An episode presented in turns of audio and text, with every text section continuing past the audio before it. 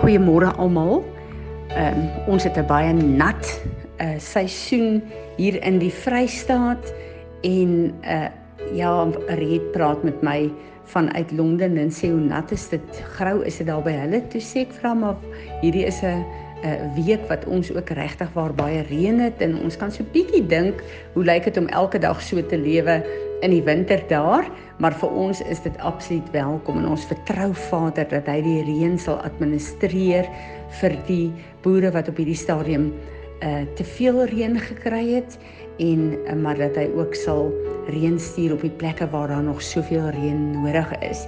Ons is besig met die onsse Vader en soos wat die Here my fokus op dit kry hierdie modelgebed waar Jesus ons kom leer om te bid kry vir my soveel dieper betekenis en ek wil regtig hê ons moet 'n bietjie daarop fokus dat ons ehm uh, uh fokus sal wees wat het Jesus bedoel? Hoekom het hy hierdie as 'n modelgebed vir sy disippels gegee? En op hierdie stadium is die Here regtig besig om te praat en my te konfronteer oor die kerk. Ons weet daar's op uh, wêreldwyd 'n skeiding in die kerk. Mense wat ehm uh, uh regtig compromise met die wêreld, maar God roep ons as 'n remnant in 'n dieper verhouding met hom, want hy wil uh ons gebruik as sy eklesia, wat beteken sy uh regs entiteit op aarde, wat beteken dat ons lewens en dit wat ons bid en sê 'n effek gaan hê om goed te begin verander op aarde. Maar om op daai plek te wees met ek en jy op die plek wees waar ons regtig in goddelike alignment is met die hemel sodat hy uh, Jesus wat aan die regterhand van Vader God sit uh, en daagliks intersessie doen vir ons sodat ons wat sy verlenging op aarde is as sy liggaam dit wat hy bid en doen en sê deur ons kan dat geskied hier op aarde En dadelik weet ek wil die vyand inkom in my en jou lewe om te sê, ja, kyk hoe lyk jou lewe. Daar is te veel verkeerde goed in jou lewe. Die Here kan dit nie met jou doen nie. Nee. Die Here weet presies waar ek en jy is. Hy weet ons is onderwerp aan 'n gebroke wêreld vol sonde. Hy weet dat daai plek in ons lewe wat Paulus uitgeroep het en gesê het Here dit wat ek nie wil doen nie dit doen ek dit wat ek moet doen dit doen ek nie asseblief wees my genadig Elkeen van ons het daai plek in ons lewe waar ons sukkel met ons sondige natuur. Maar hierdie het niks daarmee te doen nie. Moenie laat die vyand daai bewuswording van jou van hoe 'n mens sukkel baie keer gebruik om jou weg te trek dat God jou nie kragtig gaan kan gebruik as Jesus se verlenging hier op aarde nie. En die woord van die Here sê, hy sê in Psalms ek het simpatie Ek is gedagtig daarin dat jy uit grond en stof gemaak is. God is gedagtig aan hierdie gedeelte van ons natuur wat voorhoudend moet sukkel uh om sonde te oorwin. So moenie dat daai plek in jou jou die vyand jou daarmee laat kwalifiseer of 'n persepsie gee van uh hoe hy wil hê jy moet jouself sien nie. Ek en jy is in Christus uh, aan die regterhand van Vader God. Dis wie ons werklik is. Ons is op aarde sy liggaam, 'n verlenging van daai autoriteit en krag. En ek dink die oomblik as ons dit begin sien in ons lewe, gaan daar 'n skuif kom in eh, wie ons dink ons is en ook in ons optrede en ons manier van bid. Ons is nou vandag by hierdie frase wat Jesus gesê het: "Gee ons ons daaglikse brood." Nou dadelik dink ek en jy net aan die fisiese wat ek en jy nodig op aarde het. En as ons kyk na die standaard wat God gegee het vir hierdie gebed, dan beteken dit, onthou Jesus eindig en hy sê soos in die hemel so ook op aarde. Dit beteken dat uh, as ek en jy bid vir ons daaglikse voorsiening, dan is die standaard van die hemel is my en jou standaard. En ons moet dit op aarde aftrek in ons eie fisiese lewe in. Nou as jy nou kyk na Jesus wat eh, sit aan die regterhand van Vader God. Die standaard van die hemel en wat daar is, is my en jou se wettige standaard. Dadelik kan ons vra, is daar enige tekorte in die hemel? Nee, glad nie. Die standaard van Die oorvloed en alles wat nodig is in die hemel is my en jou se standaard op aarde. en ons moet die sleutels van die koninkryk gebruik soos ons hierdie afgelope tyd gedoen het om oop en toe te sluit volgens dit wat in die hemel is. So as daar tekorte is in jou lewe dan word dit toegesluit in die naam van Jesus en God se abundance van die hemel word ontsluit. Ons weet nou al teen die tyd as daar 'n tekort in ons lewe is as gevolg van sonde en bloedlyn vloeke. Ons deel met dit want ons moet die wettige reg van die vyand verwyder. Maar as dit verwyder is, dan is ons in lyn met die volheid van God. Dan is daar nie 'n plek waar ek en jy finansiële of ander tekorte behoort te hê nie. Ons het alles in Jesus Christus om te deel met waarmee ons moet deel sodat ons in die oorvloed en die volheid van God moet kom. Nou as ons kyk na ons daaglikse brood dan dan beteken dit ons daaglikse 'n uh, voorsiening vir wat ons nodig het hier op aarde. Een van die groot dinge wat die Here vir ons gegee het in sy groot opdrag en in sy opdrag van die kerk is om te sorg vir die armes en hy sê dat die armes gaan altyd op aarde saam met ons wees. Nou, dis die kerk. Dis ek en jy wat moet sorg vir die armes. As ek en jy 'n tekort het in ons eie persoonlike lewe, hoe waar het ons dan geld om vir die armes of uh voorsiening om vir die armes te sorg? So die feit dat ons nie God se opdragte kan uitvoer nie wys dat ons self op 'n plek is baie keer waar ons geklassifiseer word as armes wat sê ander mense moet fisies en op aarde vir ons sorg en dit is nie waarvoor Jesus vir my en jou gesterf het nie. Ek wil vir ons lees Efesiërs 1 vers 3 kom die uh, kom Paulus en sê dat Jesus het ons geseën, God het ons geseën met die volheid van sy rykdom hier op aarde. Nou as ons kyk, daar praat hy in vers uh, eh, 3 van van geestelike rykdom, maar as ons afgaan na vers 18 tot uh, eh, 23 en ek wil dit vir ons lees en ek bid Heilige Gees dat U ons ore sal oopmaak, dat U vir ons oë sal verlig, dat ons sal sien en hoor wat hierdie woord is wat U vir Fransie vir elkeen van ons vanoggend persoonlik gee en dat ek u woord nie net sal glo nie, maar dat ek u woord 'n deel sal maak van die erfenis wat u vir my gegee het.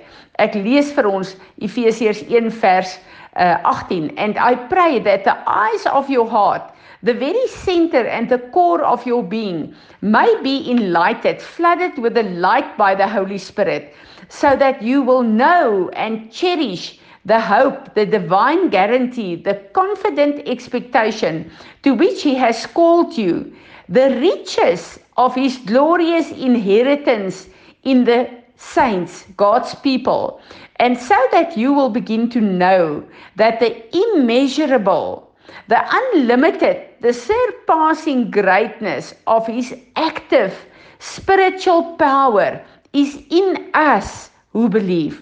Hierdie is dis in my en jou. Maar glo ons dit? As hy sê sy onmeetbare bonatuurlike grootheid, sy krag, sy glorious inheritance wat beteken gees, siel en liggaam. Dis in my en jou, dis daar vir my en jou. Maar hy sê in who believe Glo ek en jy dit regtig? As ek en jy dit glo, gaan ons dit aktiveer in ons lewe. These are in accordance with the working of his mighty strength which he produced in Christ when he raised him from the dead, seated him at his own right hand in heavenly places, far above all rule and authority and power and dominion, whether angelic or human and far above every name that is named, above every title that can be conferred, not in this age and world, but also in the one to come. Hier kom hy en hy kom sê vir ons dat alles Jesus se werk is afgehandel hy's in die regterhand van ons Vader. Hy's oor alle autoriteit en alle geestelike wesens en mense, bo elke naam of titel wat opgerig is nie net in hierdie uh uh uh era nie, maar ook tot in alle ewigheid. Hy kom en hy sê dis in hierdie era waar ek en jy nou lewe, waar hy hierdie goed gedoen het.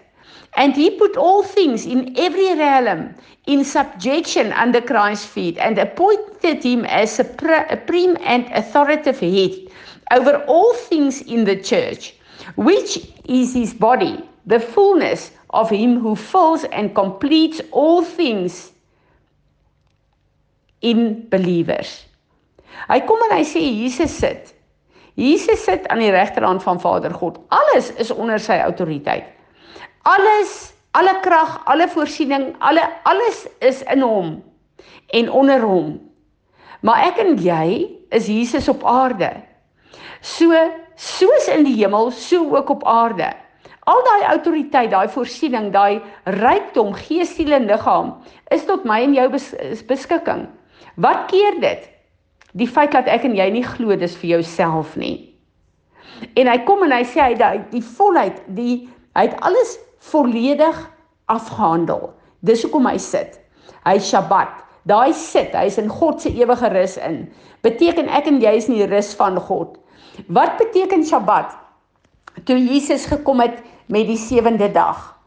Mense wil graag dit 'n godsdiens maak om te sê jy mag niks werk doen op die Sabbat nie. Daai rus beteken God het alles voltooi en dit geniet. Wat beteken dit? Hy het gekyk hoe funksioneer alles volledig in perfekte harmonie van wat hy dit geskaap het. So Jesus Sabbat aan die regterhand van God, want hy wil ook kyk hoe ons wat voltooi is in God se volheid met alles wat God vir ons voorsien kan funksioneer op aarde. En wanneer ek en jy kom en bid en sê Here gee ons ons daaglikse brood.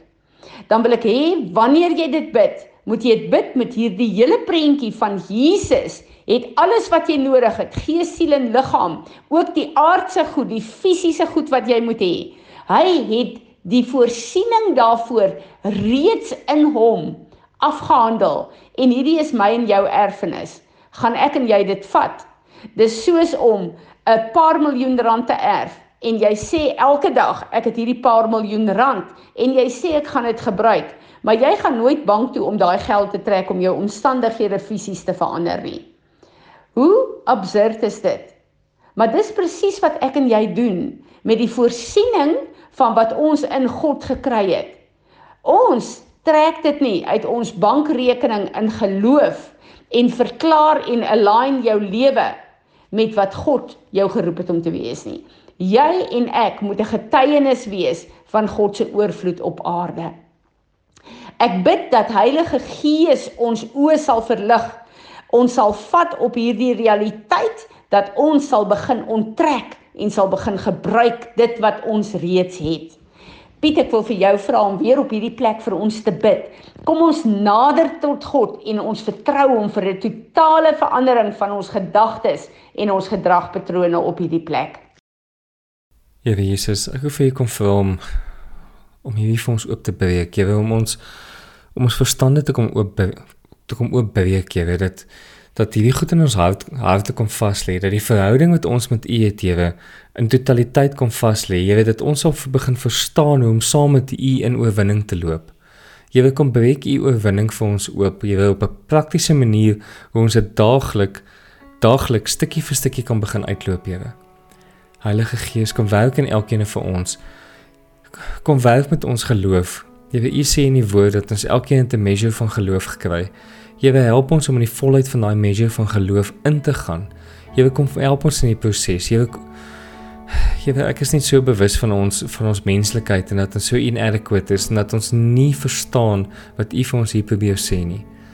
Jy weet maar U alleen kan dit vir ons oopbreek. Heilige Gees kom breek hierdie vir ons oop dat ons in dit kan begin loop. Dat ons in die volheid van U kan loop in die volheid van U oorwinning. Here, dankie dat ons van U kan vra en dankie dat U ons seën met die volheid van U. Dankie daarvoor, Here. Amen.